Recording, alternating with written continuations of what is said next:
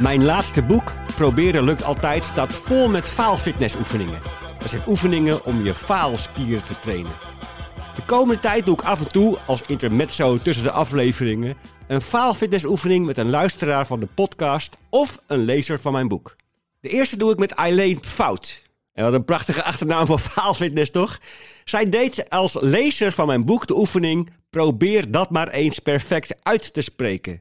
Voor haar als stemactrice een makkie, zo dacht ze in eerste instantie. Dus eh, ik dacht, eh, nou Remco, kom maar op met je whisky mixer waxmasker. ik begin dat hardop voor te lezen en het direct gaat fout. En ik moest zo hard lachen. Ik vond het zo leuk. Ik denk, ja, maar het is ook zelfs leuker dat het fout gaat. Eigenlijk. Ja, perfectiestress kun je ontspannen door wat meer lol te maken. Hè? En, je- en jezelf niet zo serieus te nemen.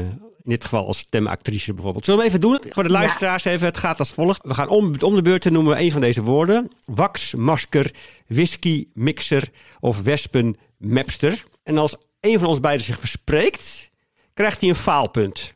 Oké. Oké? Komt-ie. Waxmasker. Websen Mapster. Eén faalpunt. Oh, ja, Whisky mixer. Waxmasker. Wespenmapster. Whisky mixer. Waxmasker. Websen Mapster.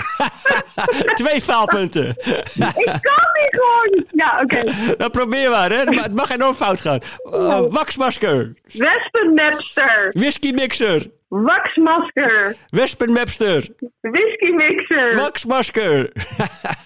Wespenmapster. Drie faalpunten. Yay. Gefeliciteerd. Het is ook het is veel leuker als het misgaat. Als het heel goed gaat, is het eigenlijk saai. Ja, hè, precies. Als het heel goed gaat, en ook in het leven, is het eigenlijk saai. Hoe, hoe ontspannen Ja. is het als het mis mag gaan? Ja, inderdaad.